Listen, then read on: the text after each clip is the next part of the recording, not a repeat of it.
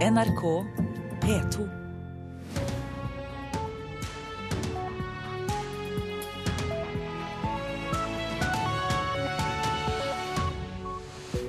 Øystein Heggen ønsker deg velkommen til Nyhetsmorgen. Vi fortsetter med mer om brannen på Orkanger i Sør-Trøndelag. En av tre kausjonerer for sine barn for å hjelpe dem inn i boligmarkedet, men mange angrer etterpå. Det internasjonale skiforbundet har ikke noen sjanse til å begrense den norske dominansen i langrenn. Det mener Petter Northug. Og de store internasjonale stjernene har fått Norge som fast stoppested.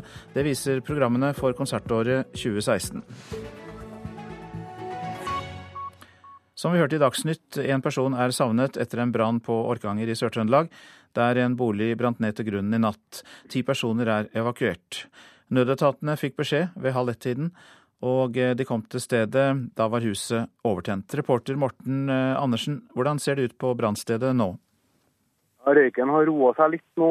Brannmannskapene har drevet med etterslukning eh, nå de siste par timene. og og fått eh, kontroll. De driver og prøver å kjøre ned bygget, og hører de er i gang med motorsag for å, for å, prøve å komme seg inn i bygget og for å søke etter den savna personen. Eh, det var jo eh, ti personer som kom seg ut av dette bygget på egen hånd. To av dem ble sendt til sykehus for en sjekk, og det var altså én voksen person som var savna. Og de har jobba med å få kjøla ned bygget, sånn at de kan komme seg inn og søke etter den samme personen. Vet vi noe mer om eh, den personen som er savnet? Det eneste jeg vet er at det er en voksen person som hvis hun skal befinne seg inn i den ene leiligheten sammen med to andre som ble sendt til sykehuset eh, da brannen starta. Men, men mer vet vi ikke. Hva gjør brannvesen og andre nødetater utover dagen? Nei, nå kommer jo eh, Orkdal kommune har jo bl.a. oppretta kriseteam. og De skal ta vare på de involverte utover dagen. og Politiet starter jo taktisk og teknisk etterforskning så snart det lar seg gjøre. Eh, og Så får man se om man finner eh, en person i brannruinene her. da. Takk skal du ha for den rapporten fra Orkanger, Morten Andersen. Vi går inn i et nytt år med stort behov for humanitært arbeid. Og velkommen hit, seniorrådgiver Pål Nesse i Flyktninghjelpen. Takk. Hva kommer til å prege nyhetsbildet for dere i 2016? Dessverre at vi får såpass få løsninger, ser det ut til, også nå, på de mange fluktsituasjonene vi har. Og at vi har flere veldig ustabile situasjoner. Og etter nyttårshelgen er vi også bekymret for mulige utvikling for fredssamtaler i Syria etter økt spenning nå mellom Iran og Saudi-Arabia. Er det først og fremst uh, Syria som er ustabil?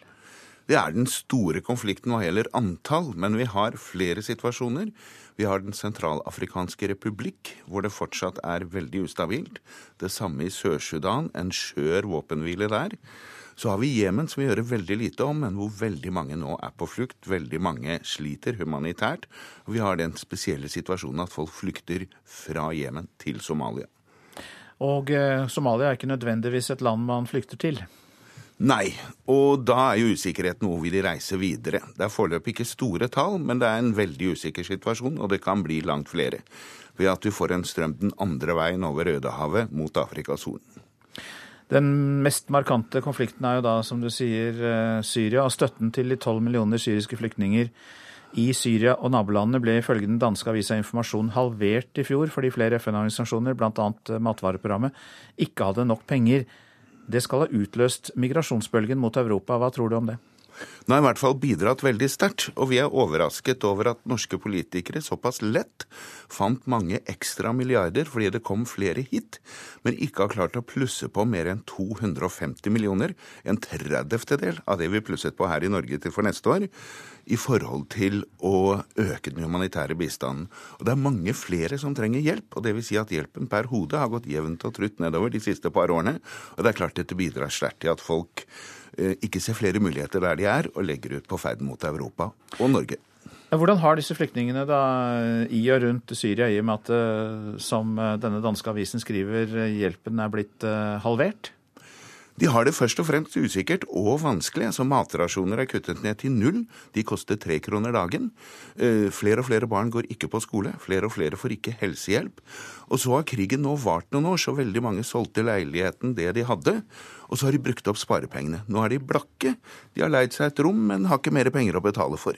Og får heller ikke noe hjelp, og da blir Europa et nærliggende alternativ.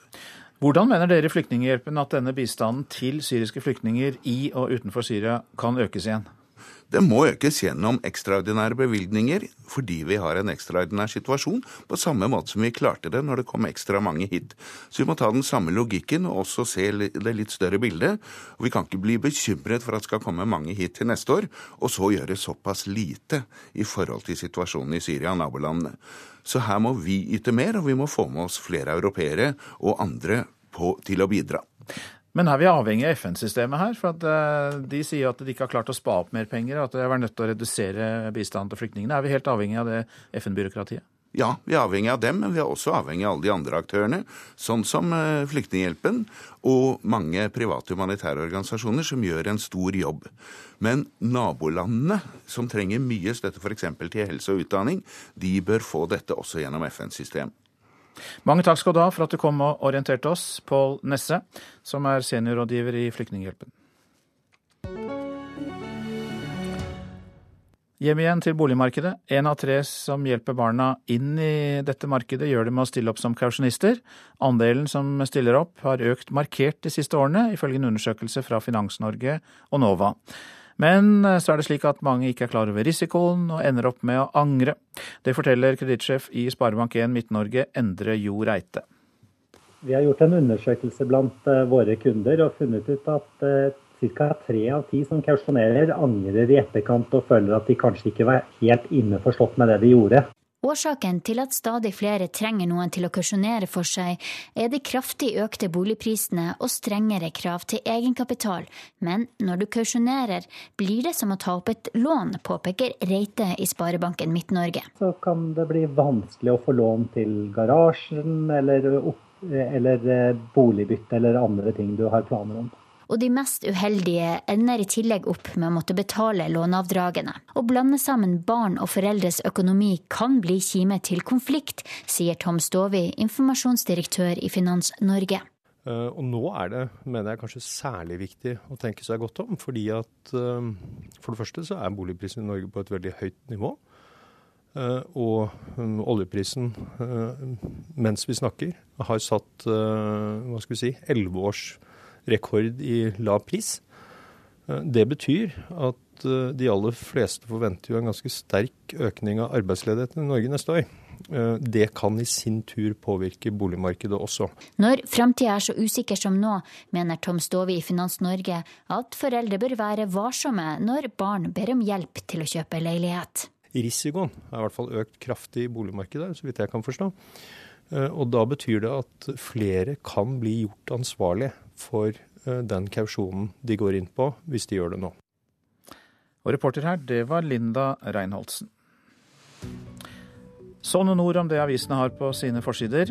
Norge vil utvise tusenvis av flyktninger til EU-land i et høyere tempo, får vi vite i Bergens Tidende. Ungarn har fått kritikk for hardhendt behandling av returnerte personer. Likevel forsvarer statsminister Erna Solberg retur av flyktninger også til Ungarn. Betaler millioner for tomt mottak, skriver Adresseavisen. Det nye, transitt, transittmottaket i Haltdalen i Sør-Trøndelag har stått klart med 30 ansatte i fem uker, men er fortsatt tomt for asylsøkere. Det har kostet UDI nærmere 2,5 millioner kroner. Frankrike opplever en kraftig økning i hatkriminalitet, er oppslaget i Vårt Land. Muslimer anmeldte over 400 tilfeller i fjor, tre ganger så mange som året før. Angrep på satiremagasinet Charlie Hebdo får mye av skylden for økningen i hatkriminalitet mot muslimer i Frankrike. 13-åringen fra Bærum som døde i Valdres skal ha vært så tynn at personell fra luftambulansen reagerte og varslet politiet, skriver VG. Moren er siktet for grov omsorgssvikt. Nære bekjente av moren sier til Dagbladet at hun tok med seg datteren til hytta i Valdres for å gi henne en ny start. Nordlys forteller om forvaltningsfond i Tromsø som satset på å investere i olje da prisen var på det høyeste. Nor kapitalforvaltning og fondet Nord 2 skulle gjøre det bedre enn andre, men nå har de tapt store summer. Sparebank1 i Nord-Norge pløyde inn penger og er blant de store taperne. Et flertall av oss mener at regjeringen ikke gjør nok for å bekjempe arbeidsledighet, viser en meningsmåling utført for Klassekampen. 58,9% av de spurte mener regjeringen har gjort for lite, mens det er 28,5% som syns det er tilstrekkelig. Fremtidens boligområder i Stor-Oslo skal få gåavstand til buss og bane, gode handelstilbud og trygge sykkelveier. Det kan vi lese om i Aftenposten, som i dag presenterer utbyggingen av hovedstadsområdets nye regionale byer, som Lillestrøm, Jessheim, Ski, Ås, Sandvika og Asker. Det har vært intenst, sier Christian Røkke til Dagens Næringsliv etter fem måneder som sjef for oljeserviceselskapet Aka Stor. 2300 ansatte har mistet jobben, og store deler av konsernet er uten oppdrag. Men Kjell Inge Røkkes 32 år gamle sønn sier at han trigges av store utfordringer. Det internasjonale skiforbundet har ikke sjanse til å begrense den norske dominansen i langrenn. Det mener Petter Northug, etter at norske løpere har dominert mer enn noensinne i starten av Tour de Ski. Det er ikke noe FIS kan gjøre, ifølge Northug. Jeg tror ikke de kan gjøre så mye. Eh, konkurranseprogrammet er jo satt, og det er jo satt lang tid i forveien. Og jeg har vært med såpass lenge at eh, jeg har forstått, måte, stått og forsvart hvorfor det bare er jeg som går fort, og, og har også svart på hvorfor det er ingen som går fort. og Om vi trener for dårlig, og nå står vi her og dominerer. De I fire av de seks øvelsene på kvinne- og herresiden i Tour de Ski i helgen var det helnorsk seierspall.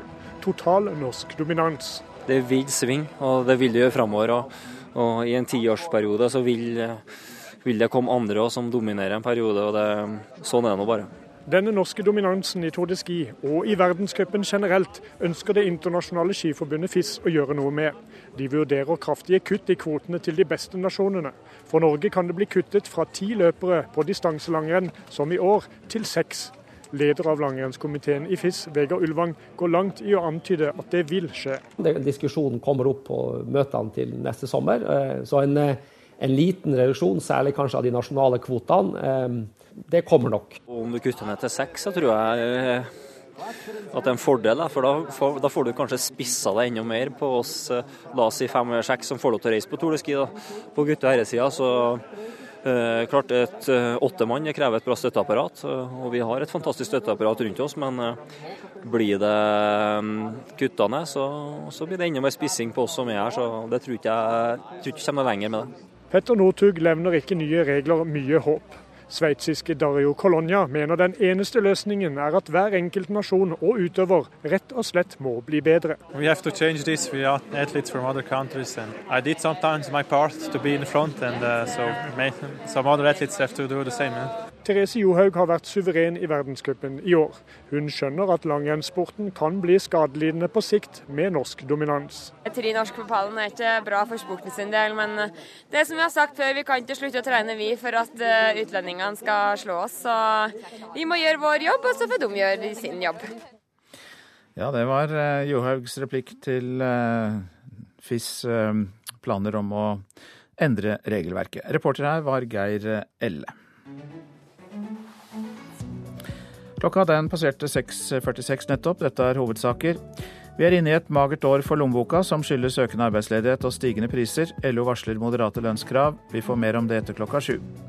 En person er funnet omkommet etter en brann på Orkanger i Sør-Trøndelag. Der brant en bolig ned til grunnen i natt. Ti personer ble evakuert. En av tre kausjonerer for sine barn for å hjelpe dem inn i boligmarkedet, men mange er ikke klar over fellene de kan gå i, og angrer etterpå. Flere av landets største mediehus starter året med store nedbemanninger, skriver Klassekampen. VG skal kutte 40 årsverk. Dagbladet, der forsvinner 26 medarbeidere, hvorav 20 er faste journalister. Og i Bergens Tidende skal 30 av i alt 130 redaksjonelle årsverk bort.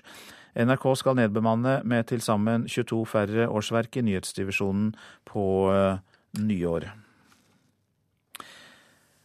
216 blir et, eh, eller 2016 blir et eksepsjonelt godt konsertår i Norge. Og eh, det viser seg at Norge har blitt fast stoppested for store internasjonale stjerner. Adele, Iron Maiden, Rihanna sammen med The Weekend, Ellie Golding og Justin Bieber. Ja, det er noen av artistene som blir å høre i Oslo i 2016.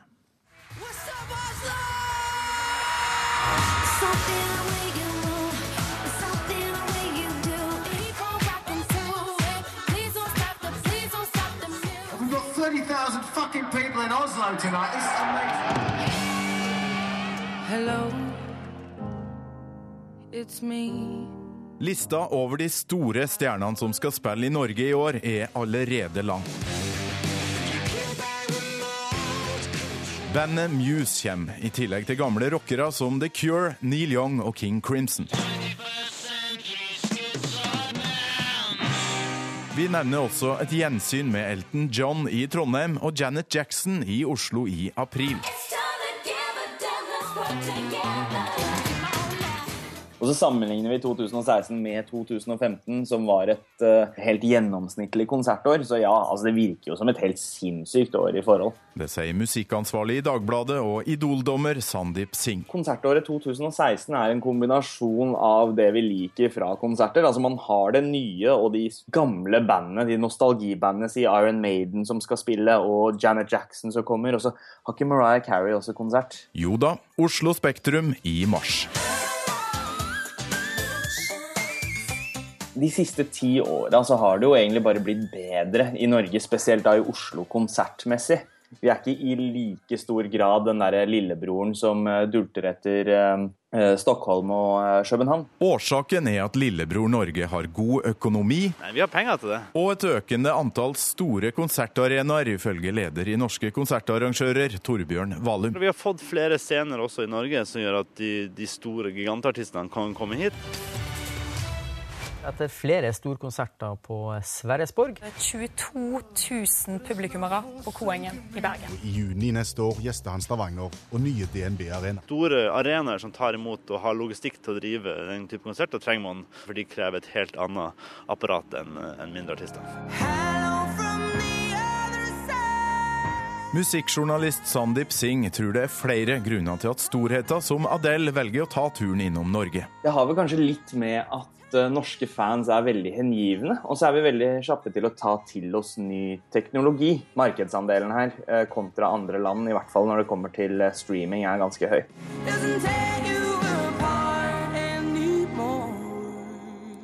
Til slutt er artisten Adele, som solgte ut Telenor Arena i Oslo på 20 minutter. Reporter var Torkil Thorsvik.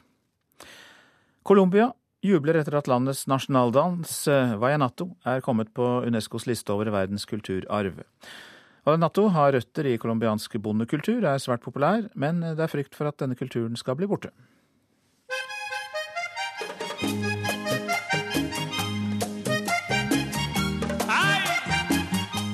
Det er musikken og dansen colombianerne elsker, og det er et av de viktigste symboler på deres identitet. Vallenato kommer fra det nordlige Colombia og har innslag av indiansk dans, spansk poesi og en sangtradisjon som slavene brakte med seg fra Afrika.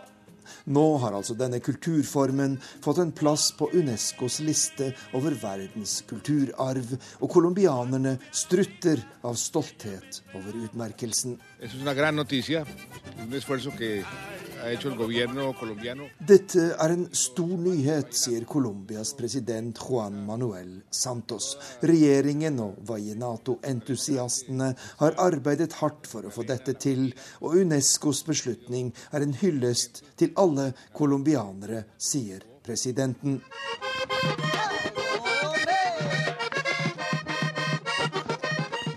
Og ingen steder er gleden større enn her, i Vallenatoens vugge Magdalena Grande i det nordlige Colombia. Her holdes denne tradisjonen i hevd med store festivaler og paradas, de berømte gatefestene der folk danser vallenato til den nye dagen gryr. Carlos Vives er Colombias mest berømte vallenato-artist, og hans musikk har gitt vallenatoen venner over hele verden. Men samtidig er denne tradisjonsrike kulturen truet bl.a. av mange års borgerkrig, som har gjort det vanskelig å arrangere gatefester og festivaler. Eh.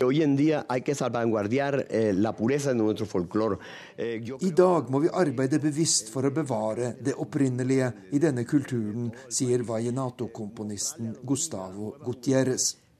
Vi ser at mange artister nå blander denne musikken med pop og rock, og dermed kuttes røttene til det opprinnelige. Anerkjennelsen fra Unesco er jo også en advarsel om at noe uerstattelig kan gå tapt, sier komponisten.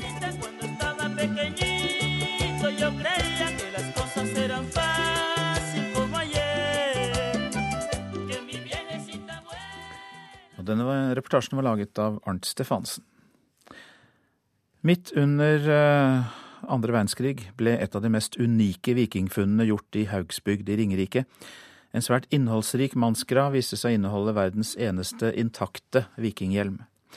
Heldigvis viste tyskerne ingen interesse for hjelmen, forteller arkeolog Ellen Marie Næss ved Kulturhistorisk museum i Oslo, der hjelmen nå er utstilt. Nå skal vi inn i vikingtidsutstillingen på Kulturhistorisk museum. Så går vi, vi går rett og slett baklengs gjennom historien, for nå går vi fra middelalderen gjennom all den flotte kirkekunsten her, og så kommer vi godt inn i vikingtiden. Med raske skritt beveger vi oss bakover i historien, ledsaget av arkeolog og museumslektor Ellen Marie Næss. Hun skal vise oss noe. Høyt oppe inne i et glassmonter ligger verdens eneste intakte vikinghjelm. Den kalles Gjermundbuhjelmen og ble funnet i Hausbygd på gården Gjermundbu i 1943. Midt under andre verdenskrig.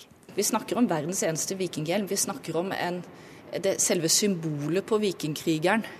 Det er virkelig Det er han du ser i alle disse her vikingfilmene, denne ultimate krigeren. Det er jo krigeren i Haugsbygd. Den er laget sent på 900-tallet og er blitt begravd litt etter det, så sånn 900 000 en gang. Eh, den er ganske enkel. Ikke noe ornamentikk eller tull eller tøys på den. Den er bare funksjonell. Og så har den en slags sånn brille som beskytter øynene og nesa mot slag forfra. Og så, kan, så, henger det noen sånne små ringer, det er noen sånn hakk i kanten, og det kan, kan ha hengt eh, noen metallplater eller en sånn brunjaktig sak, noe ned fra hjelmen, som har beskyttet nakken der. Og så har den jo vært blank. Nå er den jo uh, mørk og fæl, så da, her må du begynne å tenke igjen. Den har vært blank, og så har den hatt en foring, så den har sittet tett mot hodet. Mange vil jo si at det mangler noe på den. Ja, jeg syns ikke at den mangler noe som helst. Jeg syns den er helt utmerket. Vikingene hadde ikke horn på hjelmen, de har aldri hatt det. Det er bare i veien. Vikingene var fryktelig gode til å slåss, og nå mener jeg fryktelig, helt bokstavelig. De var virkelig, virkelig gode til det. Uh, da har man ikke noe som stikker ut på hodet sitt. Så horn det er bare fra Hårek? Fra Hårek, også fra fotballfans og sånn, og de må gjerne ha det, men vikingene hadde ikke. Hvem hjelmen tilhørte vet man ikke med sikkerhet, men det man tror er at den tilhørte en mektig småkonge eller jarl under vikingtiden. At han hadde bosatt seg i Haugsbygd, på gården Gjermundbu, var ikke tilfeldig, mener Ness. Det var strategisk. Du ser utover det vakre ringerikslandskapet der, og da ser man utover riket til denne høvdingen. Og Det er her han har sittet, på veien mellom kysten og fjellet, og kontrollert området. Og det har han gjort ved makt. Og den makten ser vi av tingene han har fått med seg i graven. Han er en, kri en kriger. Han er en grusom kriger. Han har sverd, han har spyd, han sitter til hest. Det er sporer og bitt her. Han har eh, en ringbinder på seg, og han har denne hjelmen som dekker ansiktet. Han må ha vært veldig overbevisende. Da hjelmen ble funnet i 1943, var bonden på gården redd for at tyskerne ville forfatte den. Derfor lå den lenge gjemt på låven.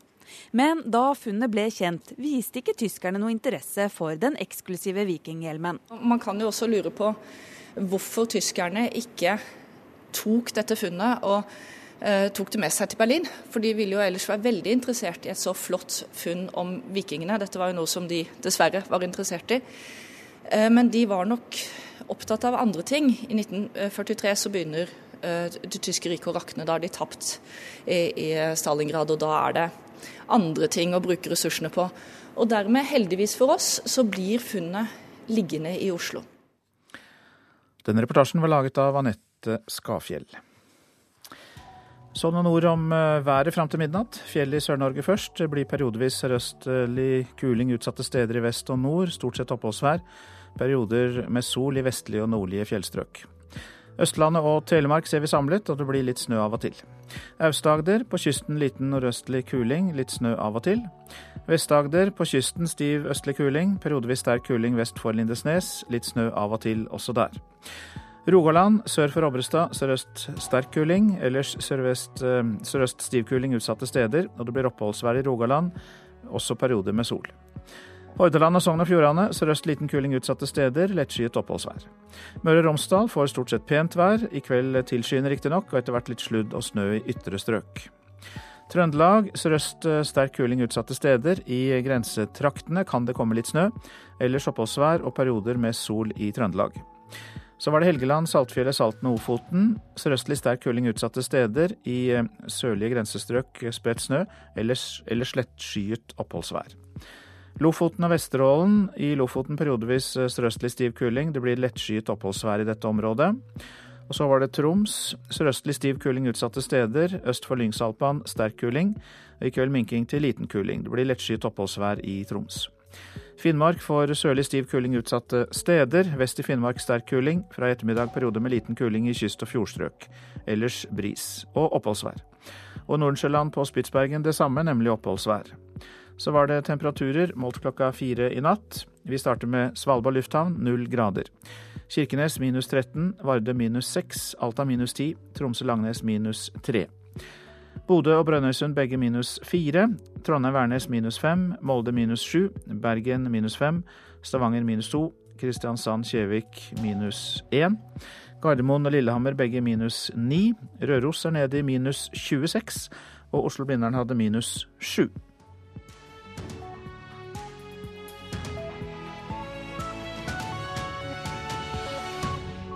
NRK P2. En person har mistet livet i brannen i Sør-Trøndelag. Og mange foreldre kausjonerer for barna sine, men det bør de være forsiktige med, ifølge Finans Norge. Her er NRK Dagsnytt klokken sju. En person er funnet død etter brannen på Orkanger i Sør-Trøndelag i natt. Huset var overtent da brannvesenet kom til stedet. Vi har med oss reporter Morten Andersen. Hva vet du om den som har mistet livet i denne brannen? Det er ikke så mye å si om den personen, annet enn at vi vet at ifølge politiet er en voksen person som da befant seg i den leiligheten der brannen skal ha starta, sammen med to andre personer som da klarte å komme seg ut med lett og etter å ha åndene litt røyk. De to personene ble for øvrig sendt til sykehus for en liten sjekk. Totalt så ble ti personer evakuert. Hvordan ser det ut på brannstedet nå? Akkurat nå driver brannvesenet med etterslukning. Huset er jo totalskadd, og det er bare sokkeletasjen som ser sånn noenlunde hel ut. Ellers så er man litt redd sikkert for å få bygningsrester over seg hvis man skal gå, gå inn i det huset her. Men man har altså funnet en person i huset som man tror er den savna personen. Og man driver og forbereder seg nå på å eventuelt få tatt den personen ut av huset. Reporter Morten Andersen, takk skal du ha. En av tre som hjelper barna sine inn i boligmarkedet, gjør det ved å stille opp som kausjonist. Andelen som stiller opp som kausjonister har økt kraftig de siste årene, ifølge ny undersøkelse fra Finans Norge og NOVA.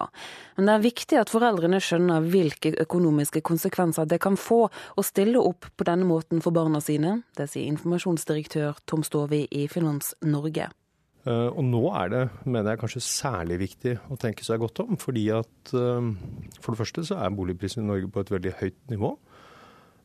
Og oljeprisen, mens vi snakker, har satt hva skal vi si, elleve års rekord i lav pris. Det kan i sin tur påvirke boligmarkedet også. Arbeidsledighet, samlivsbrudd og renteøkning er eksempler på hendelser som kan få alvorlige følger også for privatøkonomien.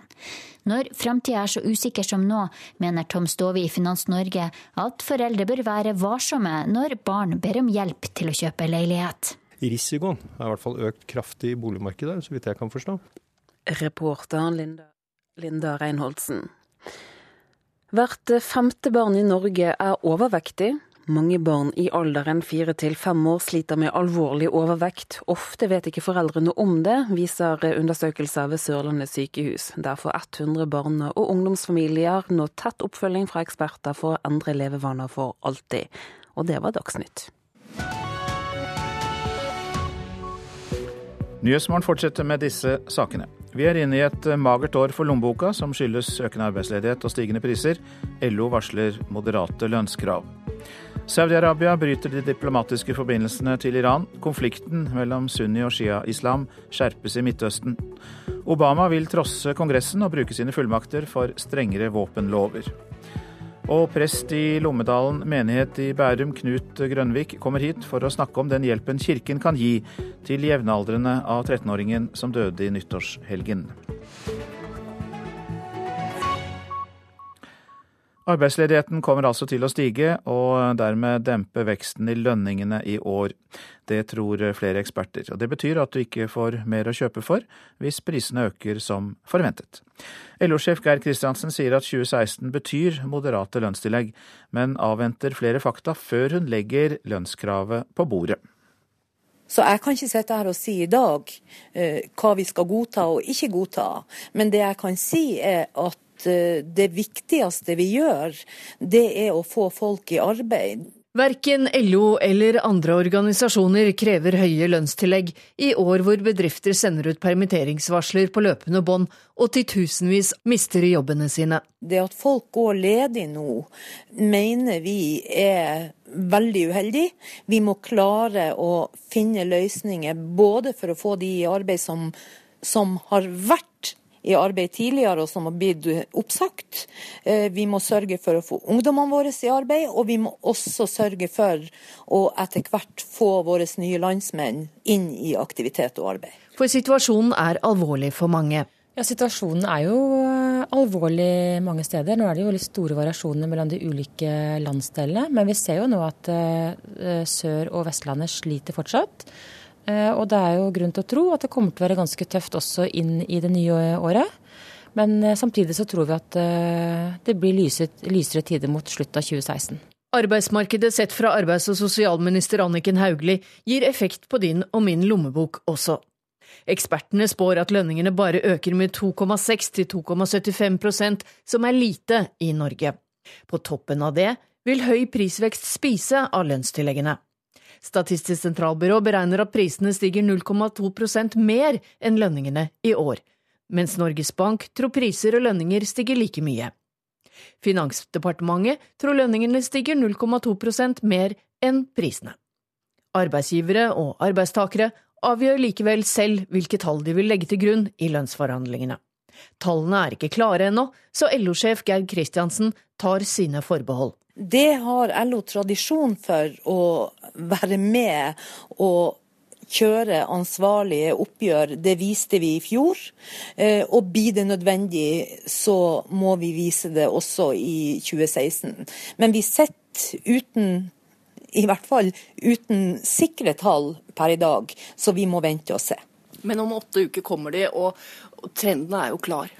Ja, trenden er veldig klar. Og jeg sier enda en gang at jobb nummer én er å sørge for å få flest mulig folk i arbeid. Det skaper også vekst.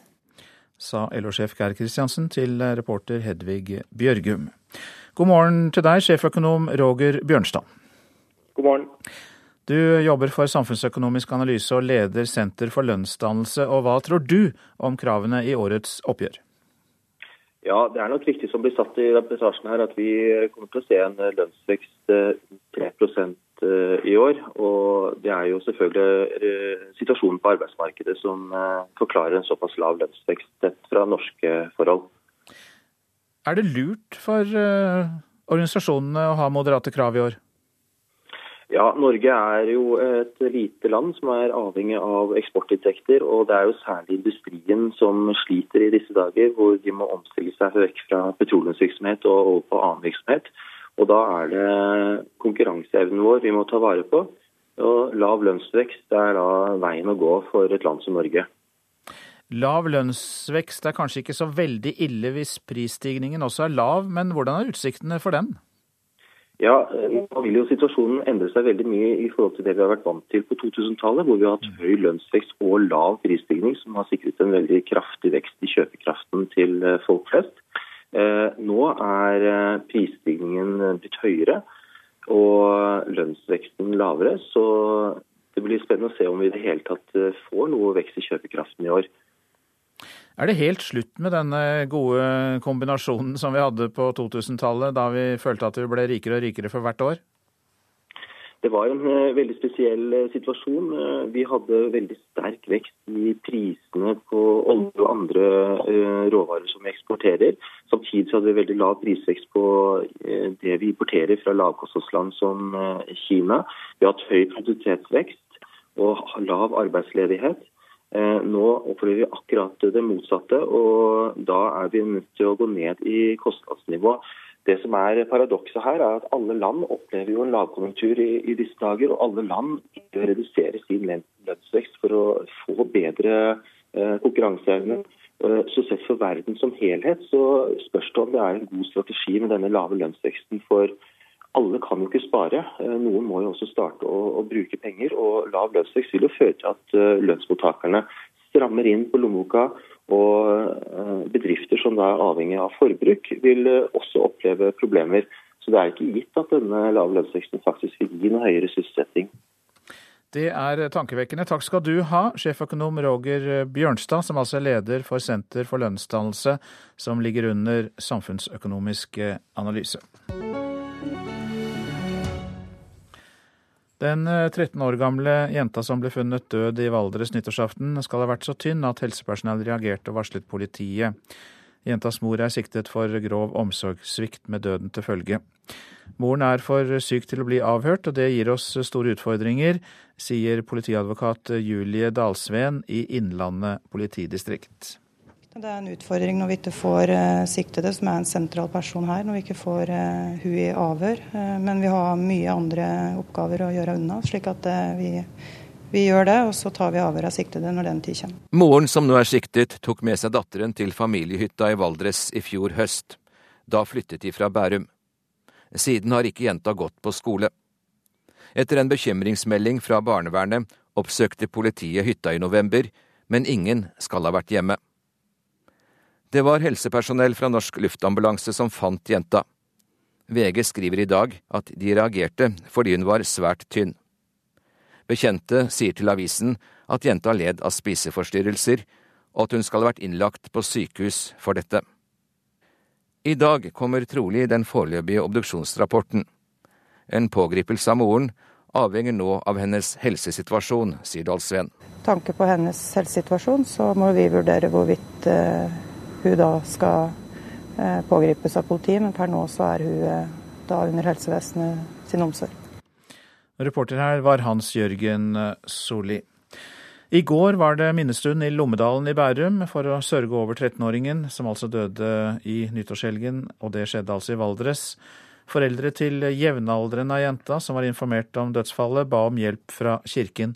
Og prest i Lommedalen menighet, Knut Grønvik, takk for at du er kommet til Nyhetsmorgen. Hvordan reagerte du på dette ønsket om bistand? Ja, jeg reagerte jo på det først og fremst som veldig positivt. Jeg syns det var forbilledlig av disse foreldrene så fort de fikk vite om dødsfallet, og det gjorde de allerede 1.1, før dette ble en mediesak, så var deres første tanke hvordan kan vi eh, hjelpe våre ungdommer, klassekamerater, til å bearbeide det som har skjedd. For uansett var jo dette et sjokk og en tragedie selv før siktelsen. Og ehm, Så vi har vært i kontakt og samtale eh, helt siden 1.1. Eh, og, og la da en plan om at det ville kanskje være godt å samle ungdom og eventuelle foreldre i kirken. Og så tenkte vi søndag må være en god dag, for da er det ennå to dager til skolen begynner. og så dette var en plan også før saken ble kjent i media. Og ehm, Så jeg vil først og fremst berømme disse foreldrene for at de fort etablerte sitt eget nettverk og arbeidet med å veilede sine egne ungdommer. Og flere av disse ungdommene er aktivt engasjert i menigheten, og foreldrene også. Så var, for noen av dem var det veldig naturlig også av den grunn å kontakte kirken. Hva er det du kan gjøre i en sånn situasjon? Hvilket svar kan du gi på hvorfor noe slikt skjer? Jeg har ikke forsøkt å gi noe svar på hvorfor.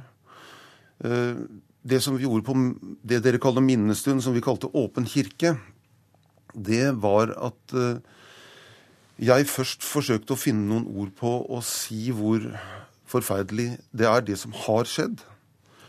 Um, også med tanke på realitetsorientert at det faktisk har skjedd. Uh, og, og, så snakket vi om uh, hvor mange forskjellige typer følelser som kan komme opp, og at alt, alle slags følelser er lov i en sånn situasjon. Og så er det jo det som vi kan si spesielt når vi er i, i et kirkerom, at her kan vi også henvende oss til en Gud som tar imot oss med i den situasjonen vi har, med de følelsene vi har, med de vanskelige tankene vi kommer med. Og um, så var det en, da en stund for hvor de som ville, kunne tenne lys og snakke litt sammen. Eh, og det var det veldig mange som benyttet seg av. Mm. Hvordan syns du disse ungdommene har taklet denne sorgen? Nå har ikke jeg snakket så veldig mye med ungdommene direkte, og jeg kunne heller ikke sagt så mye om hva de, had, hva de sier til meg. Men det jeg kan si, er at jeg var slått av hvor mye det så ut til at de tok seg av hverandre. Brydde seg om hverandre. Og så var jeg også, Det som slo meg, var jo også hvor mange voksne som kom sammen med dem. Det virker som eh, de har godt ivaretatt også på den måten. Eh, ja, det er vel det jeg kan si om det. Mange takk for at du kom. Knut Grønvik, du er altså prest i Lommedalen menighet, og vi snakket altså eh, om den hjelpen kirken har gitt i forbindelse med dødsfallet til den 13 år gamle jenta. Klokka den er kvart over sju der, og vi har disse hovedsakene. Det blir et magert år for lommeboka di hvis du er vanlig lønnstaker. Økende arbeidsledighet og stigende priser er grunnen. LO varsler moderasjon i lønnskravene. En person er funnet omkommet etter en brann på Orkanger i Sør-Trøndelag. Der brant en bolig ned til grunnen i natt. Ti personer ble evakuert. Én av tre kausjonerer for sine barn for å hjelpe dem inn i boligmarkedet, men mange er ikke klar over fellene de kan gå i, og angrer etterpå. Saudi-Arabia bryter de diplomatiske forbindelsene med Iran. Det skjer etter at Saudi-Arabias ambassade i Teheran ble stormet av demonstranter. De protesterte mot at en sjiamuslimsk skriftleid ble henrettet i Saudi-Arabia, som er en sunnimuslimsk stat. Midtøsten-korrespondent Sigurd Falkenberg Mikkelsen, kan dette utvikle seg til en væpnet konflikt mellom de to landene? Ikke direkte, tror jeg. Det er ganske usannsynlig på det nåværende tidspunkt. Eh, men det kan ha konsekvenser for de regionale krigene i landet her. Eh, særlig da mellom Syria, de som foregår i Syria og Jemen, eh, hvor Saudi-Arabia og Iran støtter forskjellige sider i disse borgerkrigene. Det kan gjøre det mye vanskeligere å finne løsninger der. Hvorfor er konflikten mellom sunni- og sjiamuslimer så hatsk?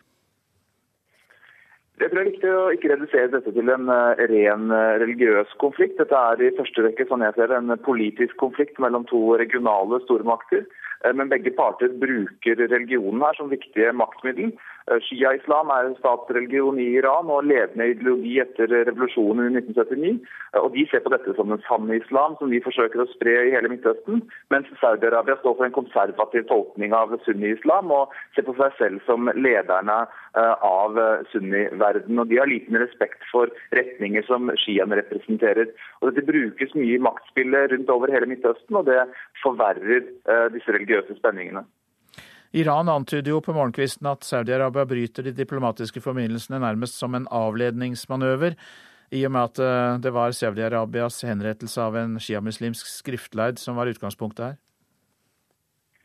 Eh, jeg tror Hadde de ønsket en avledningsmanøver de, og en roligere situasjon, så hadde de nok ikke henrettet uh, Sheikh al-Nimr i første omgang. Dette er heller en del av opptrappingen. Uh, og også da en reaksjon på at ambassaden deres ble stormet i Iran. Uh, og slikt skjer sjelden i Teheran uten en eller annen form for politisk uh, innblanding. USA har jo oppfordret partene til videre samtaler. En kilde nær kongefamilien i Saudi-Arabia sier at den ikke bryr seg om hva USA mener. Kan dette føre til at det tidligere så nære bånd mellom Riyadh og Washington svekkes? Det tror jeg vi allerede har sett eh, at uh, har skjedd, uh, i og med at USA trekker seg gradvis ut av Midtøsten. De, vil i hvert fall ikke gå så direkte inn i konfliktene og styre situasjonen slik de gjorde tidligere. så Saudi-Arabia er åpenbart urolig her, og fører en helt annen utenrikspolitikk enn de har gjort tidligere. Eh, og så er det interessant at det skjer på et tidspunkt hvor eh, USA og Iran uh, i første rekke da, har gått inn en atomavtale som har gjort at veldig mye av den sunni-islamske verden er urolige for Irans framtidige rolle i regionen. Jeg tror dette er en viktig drivfaktor i denne opptrappingen som skjer i spenningsforholdet mellom Saudi-Arabia og Iran nå. Takk for at du orienterte oss, Midtøsten-korrespondent Sigurd Falkenberg Mikkelsen. Nå om president Obama, som er frustrert over at Kongressen i USA ikke har vedtatt strengere våpenlover, og nå vil han ta skjeen i egen hånd. Denne uka vil Barack Obama annonsere hvordan han vil bruke sine fullmakter som president til å innføre strengere kontroll med de som skal selge og kjøpe våpen. A few months ago, I directed my team at the White House to look into any new actions I can take to help reduce gun violence. And on Monday, I'll meet with our Attorney General, Loretta Lynch, to discuss our options because I get too many letters from parents and teachers and kids to sit around and do nothing. I nyttårstalen sin sa president Obama at han har bedt justisminister Loretta Lynch foreslå hvordan han som president kan gjøre det vanskeligere å kjøpe og selge våpen i USA. Skytevåpen tar rundt 30 000 liv her hvert år. Bare i fjor var det mer enn 350 skyteepisoder der minst fire mennesker ble såret eller drept. Likevel har ikke Kongressen vedtatt skjerpet våpenlovgivning, som f.eks. krever bakgrunnssjekk av alle som kjøper skytevåpen. Det er trolig dette Obama vil gjøre nå. Som president kan han på papiret bruke sine fullmakter til å kreve at alle som selger våpen, må ha en føderal lisens som sier at de må kontrollere bakgrunnen til alle de selger til. I dag kan amerikanere omgå slike bakgrunnskontroller dersom de kjøper våpen på messer og utstillinger i stedet for i butikk. Det var lange køer på en slik messe i Virginia i helga. Arrangøren mener det er fordi folk er redde for strengere regler.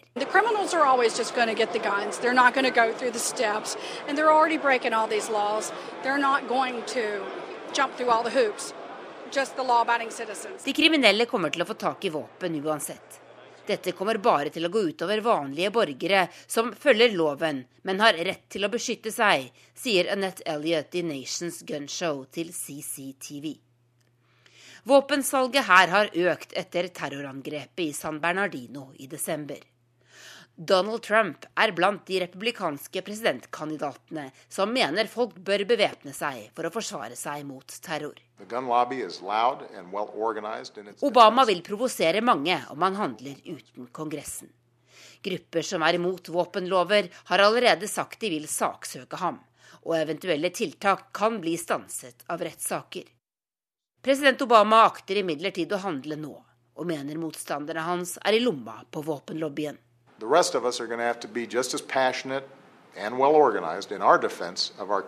På fredag er det fem år siden hans politikerkollega Gabrielle Giffords ble skutt i hodet da hun drev valgkamp i Arizona.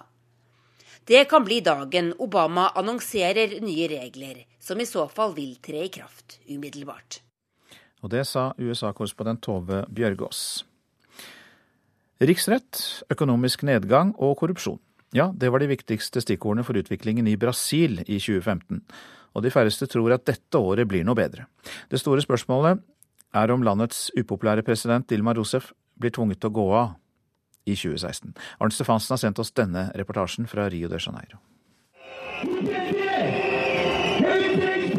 Rundt 100 000 mennesker demonstrerer i gatene i Brasils største by, Sao Paulo. De krever at landets president Dilma Rousef går av. Om nødvendig må hun fradømmes sitt embete ved riksrett. Vi som demonstrerer i gatene, bidrar til endring i dette landet, sier en av demonstrantene. Og vi ser noen lyspunkter. En senator og en bankpresident sitter i fengsel. Det samme gjør eieren av et av landets største entreprenørselskaper. Slikt skjedde ikke tidligere i Brasil, og det viser at det nytter å demonstrere. For Brasils president Dilma Rousef har 2015 vært et annus horribilis, et fryktelig år som endte med at lederen for landets nasjonalforsamling startet en prosess med sikte på å avsette henne ved riksrett. Men mange mener det formelle grunnlaget for riksrett er svært tynt, og presidenten benekter at hun har gjort noe galt. Não há nenhuma justificativa para que isso ocorra. Det er ingenting som rettferdiggjør en slik prosess. Jeg anklages for å ha pyntet på noen tall i statsbudsjettet, og det har Brasils regjeringer gjort i alle år. Dette er en ren hevnaksjon fra mine politiske motstandere, sier Dilma Rousef. Og riksrettssaken er uhyre omstridt, også blant Brasils folkevalgte. For mannen som har satt i gang riksrettsprosessen, parlamentspresident Eduardo Cunha, sitter til halsen i korrupsjonsanklager, og mange mener han prøver å redde seg selv ved å angripe presidenten. Tilhengere av Dilma Rousef protesterer mot riksrettsprosessen og krever at parlamentspresidenten blir fjernet. Likevel mener nå to tredeler av brasilianerne at Rousef må gå av, at hun gjør en svært dårlig jobb, og at hun har en stor del av skylden for at Brasils økonomi falt med hele 5% i 2015. Den største nedgangen på 25 år. Nå til noe av det avisen er opptatt av eh, mandag 4. Norge vil utvise tusenvis av flyktninger til EU-land i et høyere tempo, får vi vite i Bergens Tidende. Ungarn har fått kritikk for hardhendt behandling av returnerte personer. Likevel forsvarer statsminister Erna Solberg retur av flyktninger også til Ungarn. Betaler millioner for tomt mottak, skriver Adresseavisen. Det nye transittmottaket i Haltdalen i Sør-Trøndelag har stått klart med 30 ansatte i fem uker, men er fortsatt tomt for asylsøkere. Det har kostet UDI nærmere 2,5 millioner kroner. Frankrike opplever en kraftig økning i hatkriminalitet, er oppslaget i Vårt Land. Muslimer anmeldte over 400 tilfeller i fjor, tre ganger så mange som året før. Angrepet på satiremagasinet Charlie Hebdo får mye av skylden for økningen i hatkriminalitet mot muslimer i Frankrike. 13-åringen fra Bærum som døde i Valdres skal ha vært så tynn at personell fra luftambulansen reagerte og varslet politiet, skriver VG. Moren er siktet for grov omsorgssvikt. Nære bekjente av moren sier til Dagbladet at hun tok med seg datteren til hytta i Valdres for å gi henne en ny start. Nordlys forteller om forvaltningsfond i Tromsø som satset på å investere i olje da prisen var på det høyeste. Nord kapitalforvaltning og fondet Nord2 skulle gjøre det bedre enn alle andre, men nå har de tapt store summer. Sparebank1 i Nord-Norge pløyde inn penger og er blant de store taperne.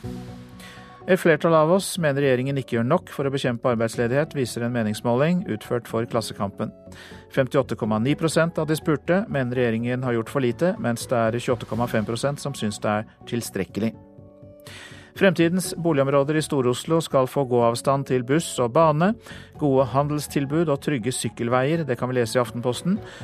Og eh, avisa presenterer utbyggingen av hovedstadsområdets nye regionale byer, som Lillestrøm, Jessheim, Ski, Ås, Sandvika og Asker.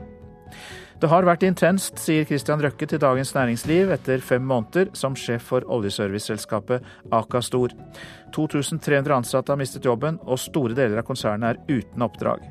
Men Kjell Inge Røkkes 32 år gamle sønn sier at han trigges av store utfordringer.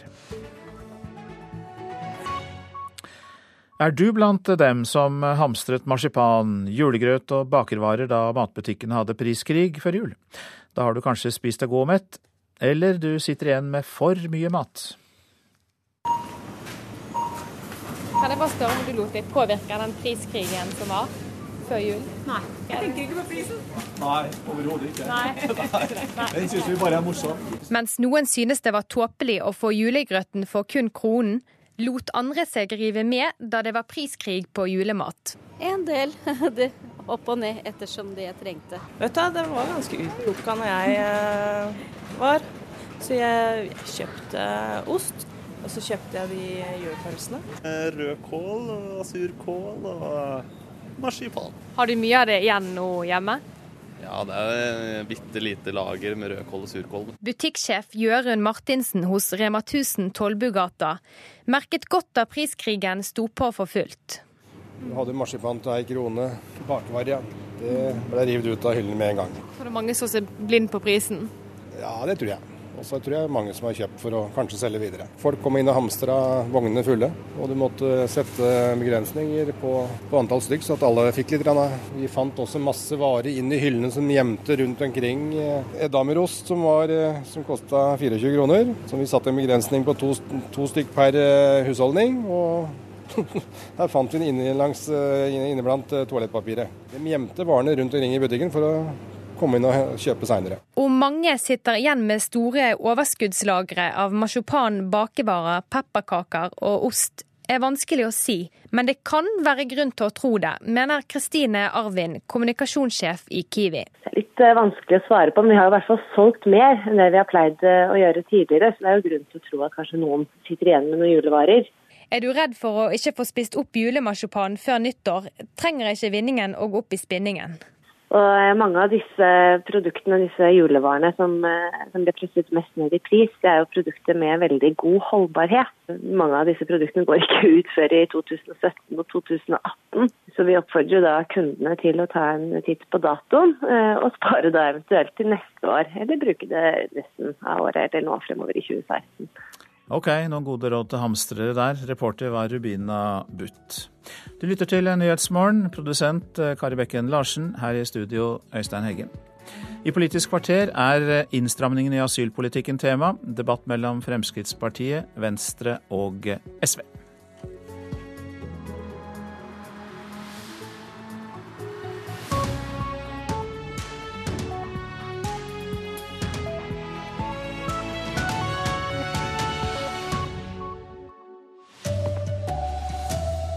En person er funnet død etter brannen i Sør-Trøndelag i natt.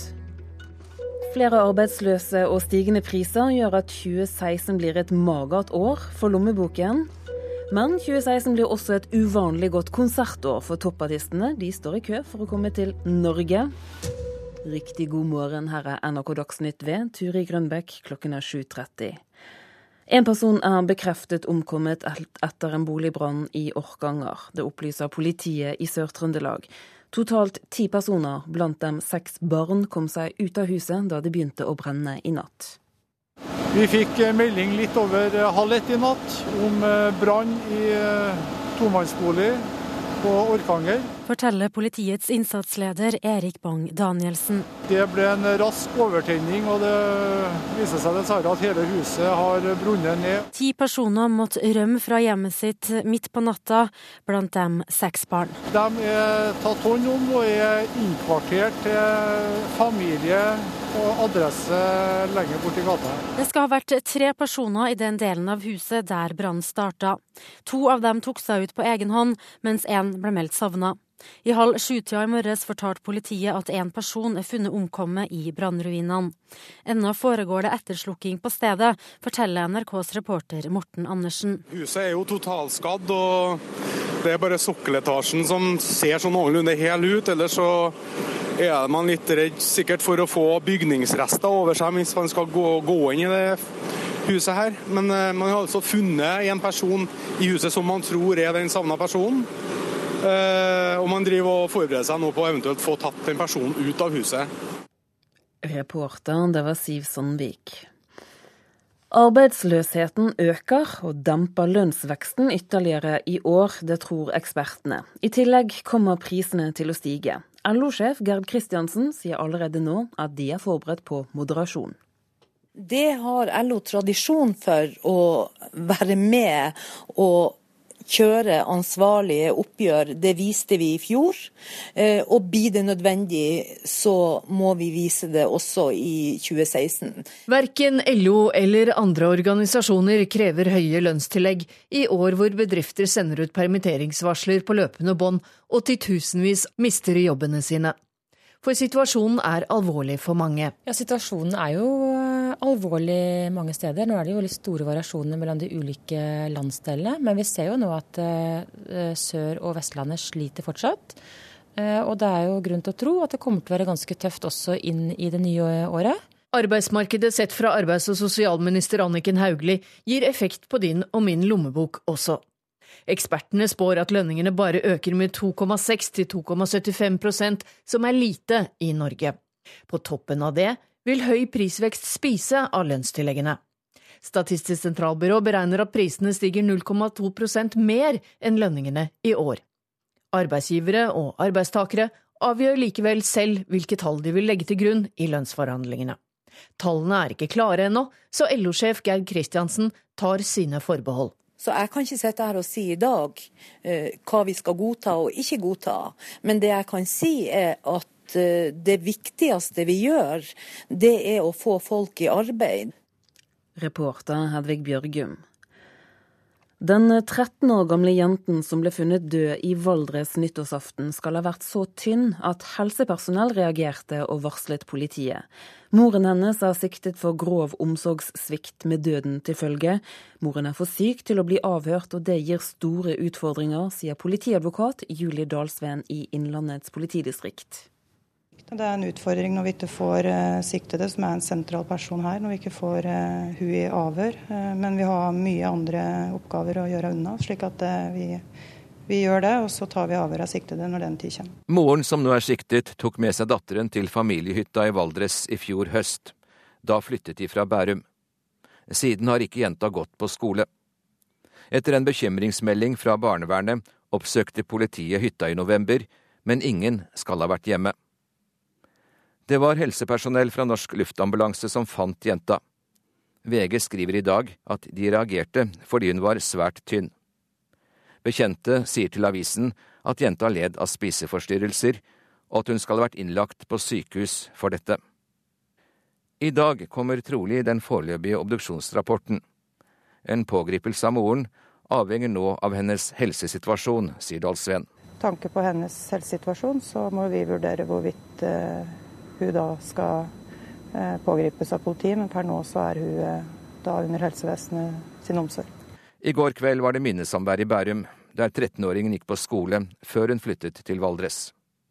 Rundt 150 barn og foreldre møtte opp.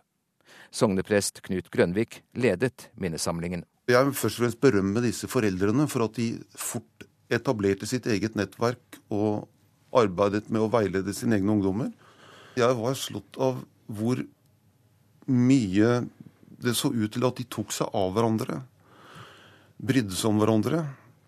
Og så var jeg også, Det som slo meg, var jo også hvor mange voksne som kom sammen med dem. Det virker som eh, de har godt ivaretatt også på den måten. Reporter her var Hans Jørgen Solli. Ved midnatt skjerpet Sverige grensekontrollen. Svenske myndigheter forsøker å få ned tallet på flyktninger som kommer til landet. Alle som skal inn til Sverige må nå ha med gyldige identitetspapirer, hvis ikke risikerer de å bli nektet innreise, og det gjelder også nordmenn. I fjor kom over 160 000 flyktninger til Sverige. En av tre som hjelper barna sine inn i boligmarkedet, gjør det ved å stille opp som kausjonist. Andelen som stiller opp som kausjonister har økt markant de siste årene. Det viser en undersøkelse fra Finans Norge og NOVA. Men eh, mange er ikke klar over risikoen og ender opp med å angre. Det forteller kredittsjef i Sparebank1 i Midt-Norge, Jo Endre Jo Reite. Vi har gjort en undersøkelse blant eh, våre kunder og funnet ut at eh, ca. tre av ti som kausjonerer, angrer i etterkant og føler at de kanskje ikke var helt innforstått med det de gjorde. Årsaken til at stadig flere trenger noen til å kausjonere for seg, er de kraftig økte boligprisene og strengere krav til egenkapital. Men når du kausjonerer, blir det som å ta opp et lån, påpeker Reite i Sparebanken Midt-Norge. Så kan det bli vanskelig å få lån til garasjen eller, eller eh, boligbytte eller andre ting du har planer om og de mest uheldige ender i tillegg opp med å måtte betale låneavdragene. Å blande sammen barn og foreldres økonomi kan bli kime til konflikt, sier Tom Stovi, informasjonsdirektør i Finans Norge. Eh, og nå er det, mener jeg, kanskje særlig viktig å tenke seg godt om. fordi at eh, for det første så er boligprisen i Norge på et veldig høyt nivå. Og oljeprisen mens vi snakker har satt hva skal vi si, elleve års rekord i lav pris. Det betyr at de aller fleste forventer jo en ganske sterk økning av arbeidsledigheten i Norge neste år. Eh, det kan i sin tur påvirke boligmarkedet også. Når framtida er så usikker som nå, mener Tom Stove i Finans Norge at foreldre bør være varsomme når barn ber om hjelp til å kjøpe leilighet. Risikoen er i hvert fall økt kraftig i boligmarkedet, så vidt jeg kan forstå. Eh, og da betyr det at flere kan bli gjort ansvarlig for eh, den kausjonen de går inn på, hvis de gjør det nå. Reporter Linda Reinholdsen. 2016 blir et eksepsjonelt godt konsertår i Norge. Norge har nå etablert seg som et fast stoppested for internasjonale stjerner, det mener ekspertene. Blant annet kommer Adele, Iron Maiden, Rihanna og Ellie Golding til Oslo i løpet av året. We've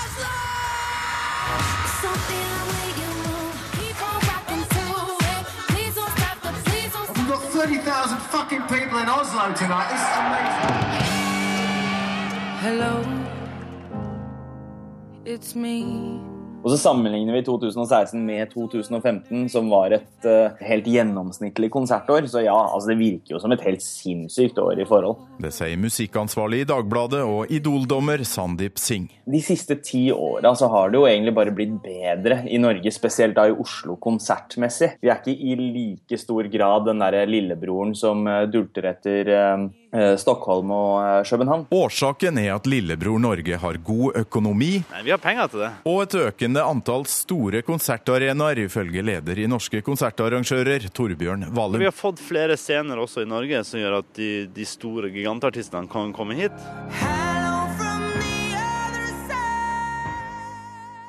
Ja, til slutt hørte vi artisten Adele som solgte ut Telenor Arena i Oslo på bare 20 minutter. Reporter her, det var Torkil Torsvik. Og det avsluttet NRK Dagsnytt. Ansvarlig for sendingen, det er Arild Svalbjørg.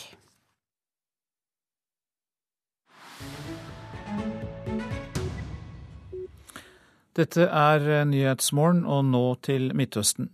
En video viser hvordan gjestene i et jødisk bryllup danser med kniver og våpen, og feirer at en palestinsk baby ble drept. Videoen har satt i gang en debatt i Israel om radikal og ekstrem jødedom. På en bryllupsfest danser de mens de holder hendene opp mot taket. Flere veiver med kniver, andre løfter geværene sine, oppildnet som i ekstase. Videoen er fra et bryllup i Jerusalem og viser religiøse menn fra den ekstreme høyresiden, sier reporteren fra israelske Kanal 10, som viste den oppsiktsvekkende videoen i julen. Legg merke til ham som kjører en kniv inn i et bilde av Ali Dawabshe, sier reporteren, og viser til den palestinske gutten på 18 måneder som ble brent til døde i fjor sommer av jødiske ekstremister. Da kastet to personer fra dette nasjonalistiske miljøet en molotovcocktail inn i huset til Dababshe-familiens hjem på den okkuperte Vestbredden. Mordbrannen førte til at begge foreldrene til gutten også døde. På den noe spesielle bryllupsvideoen danser en mann som holder opp en grønn flaske som forestiller en molotovcocktail. Han hytter flasken mot bildet av den døde palestinske gutten. Denne feiringen av guttens grufulle død har rystet israelerne. The people of Israel strongly reject and condemn uh, the celebration of murder which took place in a wedding of extreme right Israeli activists. Vi tar sterk avstand fra feiringen av drapet. Dette er helt imot de verdiene som karakteriserer vårt samfunn, This is a disgusting and terrible event. sa Emanuel Nachson, talsmann for det israelske utenriksdepartementet, etterpå. For israelerne liker å tro at det bare er palestinske islamister og Hamas-folk som jubler når jøder dør. Mye er skrevet om hvordan palestinske barn, spesielt i islamistmiljøer, blir oppdratt til å hate jøder, skriver Samuel Heilmann i avisen Haaretz. Heilmann er professor i sosiologi ved et universitet i New York og engasjert i jødisk utdannelse. Men når jeg ser disse ekstreme bosetterne, forstår jeg at vi finner oppdragelse som oppfordrer til hat og onde gjerninger også i jødiske samfunn. På samme måte som vi krever at palestinerne må endre sine barns utdannelse om de vil ha fred, så må vi oppfordre til det samme i alle deler av det jødiske samfunnet, skriver Samuel Heilmann, som mener at det ikke er nok bare å fordømme denne videoen i mediene. De mest radikale innen militant jødedom og sionisme har bekymret israelsk etterretning i flere tiår. Likevel har Shin Bet konsentrert seg mest om radikale palestinere. I mellomtiden har det ytterliggående jødiske miljøet, som gjemmer seg bak fanen religiøs sionisme, vokst seg sterkere. Da en av dem tok livet av statsminister Itzak Rabin i 1995, var det en ubehagelig vekker. De mest radikale deler åndelig sett ideologi med den mektige bosetterbevegelsen, som er representert i regjeringen, i statsapparatet, i hæren og i diplomatiet.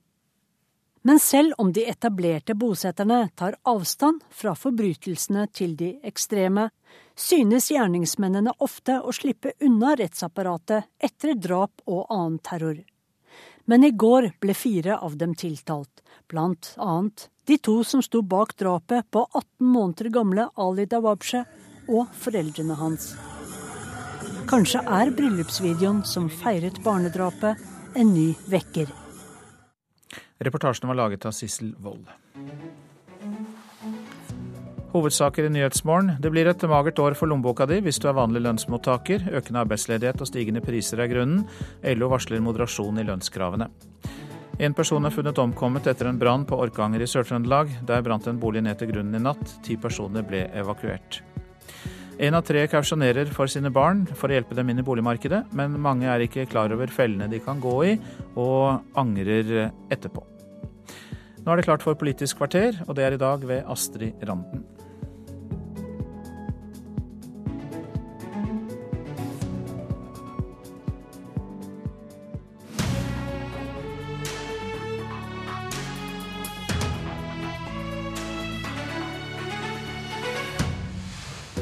Samarbeidsparti med sterk kritikk av regjeringa sine asylforslag er symbolpolitikk basert på fordommer, hevder Venstre.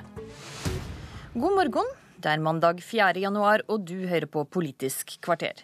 Medan de fleste av oss var mest opptatt av julefeiring og ferie, la den nye innvandringsministeren fram høringsforslag til nye asylregler rett før nyttår. Her kommer ei lynkort oppsummering for de som ikke var helt påkobla i romjula. Du skal ikke få varig opphold i Norge før du har bodd her i fem år. Du eh, må ha din egen bostad, du må kunne forsørge deg sjøl, og du må stå på norsktesten. I tillegg så skal det bli vanskeligere å få henta familien sin hit. Og Guri Melby, sentralstyremedlem i Venstre, du hevder at noen av disse forslagene er basert på fordommer, og at de er laga for å virke strenge. Hvor konkret er det du sikter til?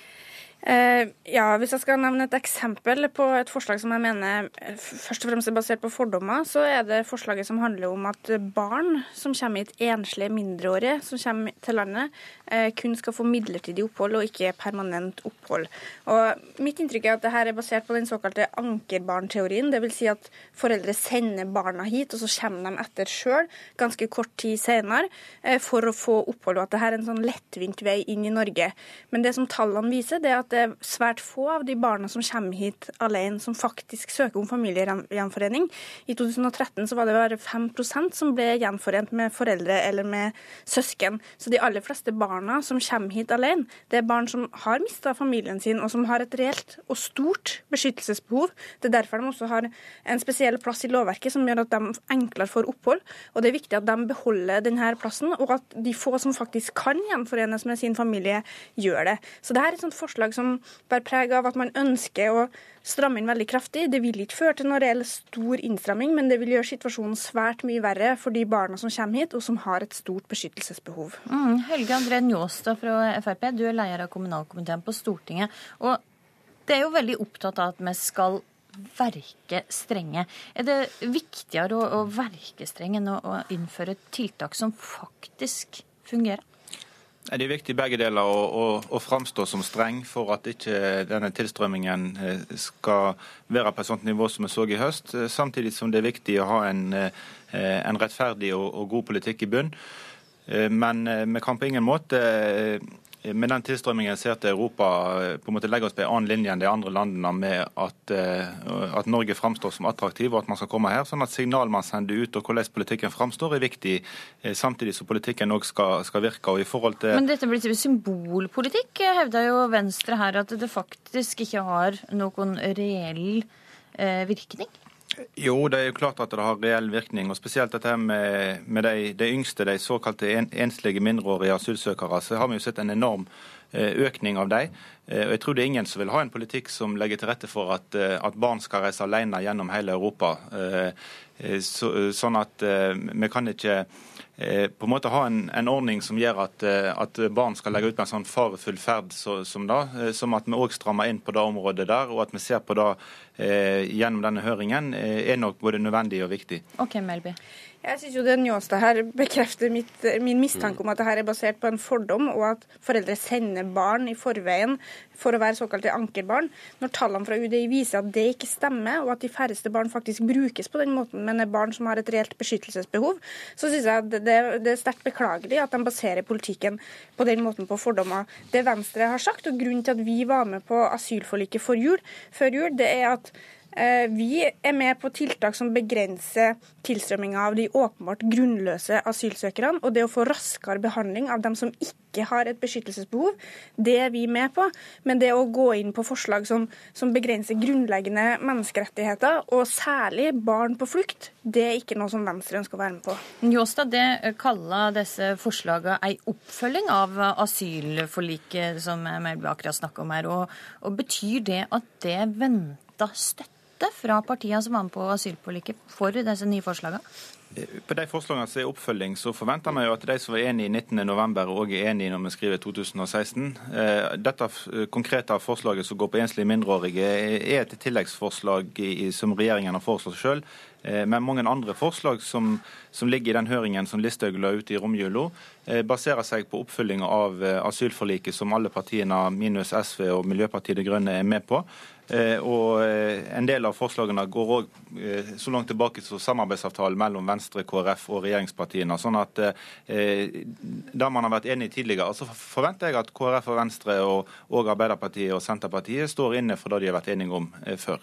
Ja, Melby, Vil det støtte hoveddelen i disse forslagene som ble lagt fram i romjula? Nei, Det kan ikke jeg garantere nå. Altså, Det vi var med på i november, var ikke noe blankofullmakt til regjeringa til alle deres forslag. Det er viktig å si. Det var en liste på 18 punkter, hvis jeg husker riktig. Dette er et 150-siders dokument som går utrolig mye lenger enn den lista med 18 punkter. Det er helt klart at det vi var med på i november, skal vi være med på nå òg. Det er en forpliktelse som vi står ved. Men særlig alt som går på midlertidighet. Det var jo veldig uklart beskrevet i den avtalen i november. og Her blir det konkretisert, og vi er nødt til å gå ordentlig inn i de forslagene. Og kan ikke love noe støtte på vegne av Venstre her og nå. Og det er klart at Regjeringa har en stor jobb å gjøre i å få med seg alle partiene som var med på forliket videre. Både Venstre og KrF har signalisert sterk skepsis til mange av disse forslagene. Eh, og jeg håper jo at de fortsetter å ønske å ha et bredt forlik. Arbeiderpartiet registrerer at allerede har sagt at mye av det her vil de være med på. Eh, det syns jeg er sterkt beklagelig, for jeg mener at mange av de forslagene her går altfor langt. Og det gjør at folk som har et beskyttelsesbehov, ikke vil få det. Mm. Men, men, når Venstre er med på å utfordre regjeringen på å legge fram forslag på å begrense familiegjenforening og stramme den inn, hva ønsker dere da? Eh, vi oppfyller jo bare det som dere var med og be oss om å komme tilbake til. Så hva er, hva er deres løsning da? Altså, som sagt så må vi gå gjennom disse forslagene og se på hva vi vil støtte og ikke. Noe av det vil vi helt sikkert støtte, men noe av det mener vi går for langt.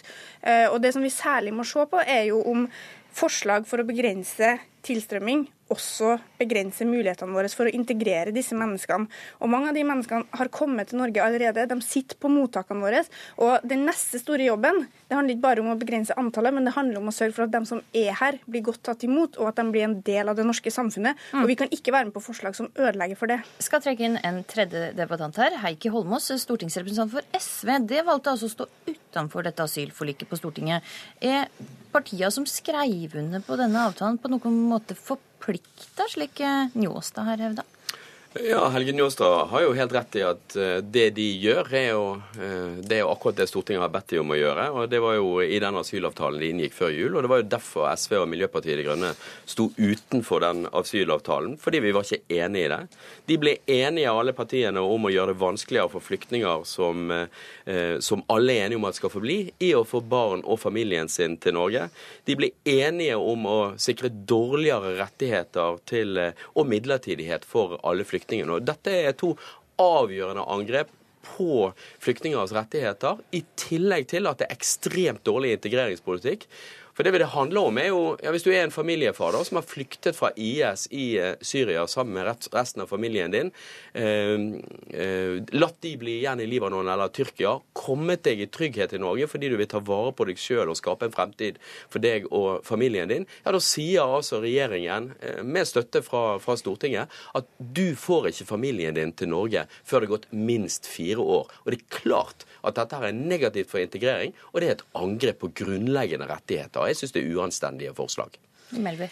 Grunnen til at Venstre ønsker å være med på forliket, det er at vi ønsker å sitte rundt det bordet som diskuterer disse tiltakene hele veien, og at vi ikke ville melde oss ut av den debatten. Og så har jeg også lyst til å trekke fram at Men har det da gitt deg fullmakt på at det faktisk ønsker en strengere politikk, også på det som regjeringa nå legger fram?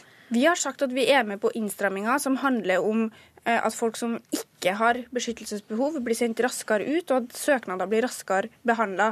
Eh, vi har også sagt at vi skal se på midlertidighet, men vi har ikke sagt konkret hvilke forslag vi vil gå for. og Det er jo den runden vi er nødt til å ta nå.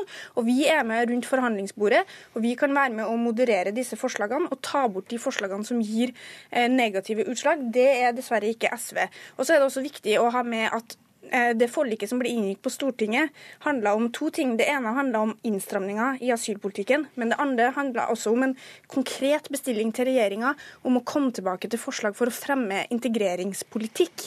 Ja. Og jeg håper jo at Sylvi Listhaug har gått løs på den eh, oppgaven med like stor iherdighet som hun har gjort med denne lista med innstramninger, og at vi veldig snart også får tiltak som gjør at folk kommer raskere i jobb. Ja, høre med, høre med Njåstad da. Når eh, kan vi vente oss noen forslag om integreringspolitikken? Nei, Da har jo Stortinget òg inngått et, eh, et bredt forlik eh, på en rekke punkt før jul. Eh, og regjeringen er i gang med en egen stortingsmelding om integreringspolitikk, som Listhaug legger fram i mai. Sånn at integreringspolitikk vil Listhaug være like opptatt som Solveig Horne, som kanskje har vært den beste integreringsministeren Norge har hatt. Så, så ingen skal si at ikke ikke er opptatt av integrering, men det handler om å integrere de som skal få, få, få være i Norge. Så eh, mai må vi vente til der. Um, jo, men det er jo omfattende forslag man skal på en måte sette ut i livet på det området òg. Nå handler det om å oppfylle det, asylavtalen fra 19.11. Og så er det òg en avtale på integrering man skal følge opp etterpå. Så regjeringen jobber på høygir. Og det må, må, jo være lov å si at regjeringen jobber raskt. Når Stortinget 19.11 er enige om en rekke punkt, allerede i romjula legger man det ut på høring, og så er man godt i gang med integreringsmeldingen. Så denne regjeringen jobber virkelig fort. Absolutt. Flere hevder at det nå er Frp Frp som har fått fullt gjennomslag i eh, innvandrings- og integreringspolitikken. Er du enig i dette, Holmås? Jeg er enig i det. De sitter nå eh, og ser at eh, de får gjennomslag for den innvandringspolitikken som de i mange sammenhenger har stått alene for de siste 30 årene på Stortinget. Og imens så ser vi de andre partiene sitter på Stortinget og applauderer dette. Det er, det, det er jo det som har vært resultatet av det vi har sett i, i romjulen.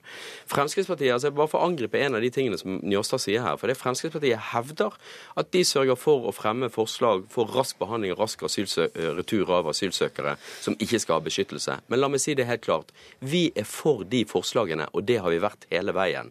Men det som er problemet, og det som gjør at vi mener at en del av disse forslagene er uanstendige, er at regjeringen fremmer forslag som gjør integreringen vesentlig vanskeligere og livene uutholdelige for alle de menneskene som faktisk alle er enige om at skal ha beskyttelse i Norge. Og Det er det som er problemet med de forslagene som de okay. nå legger frem. La Njåstad få svare på det.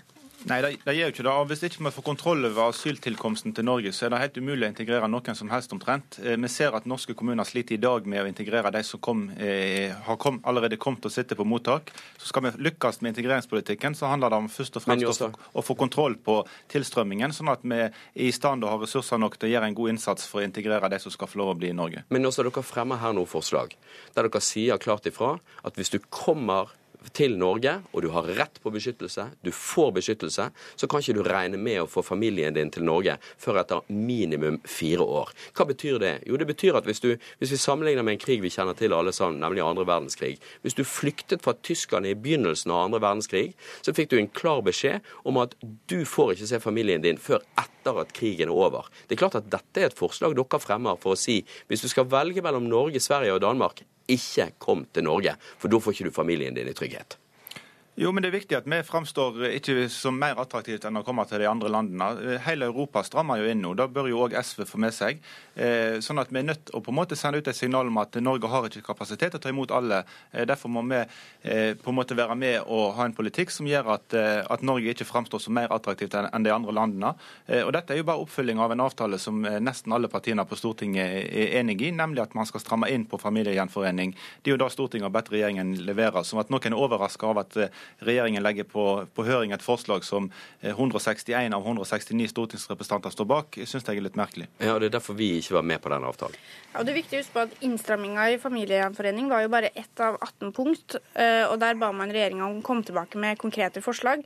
Og som jeg har sagt tidligere, Venstre har ikke gitt noe blankofullmakt til å støtte regjeringa videre. Vi er nødt til å vurdere hvert enkelt forslag. Og jeg er helt enig med Heikki Holmås i at mange av disse forslagene vil ha negativ effekt for integrering, og det er ikke noe som Venstre kan være med på.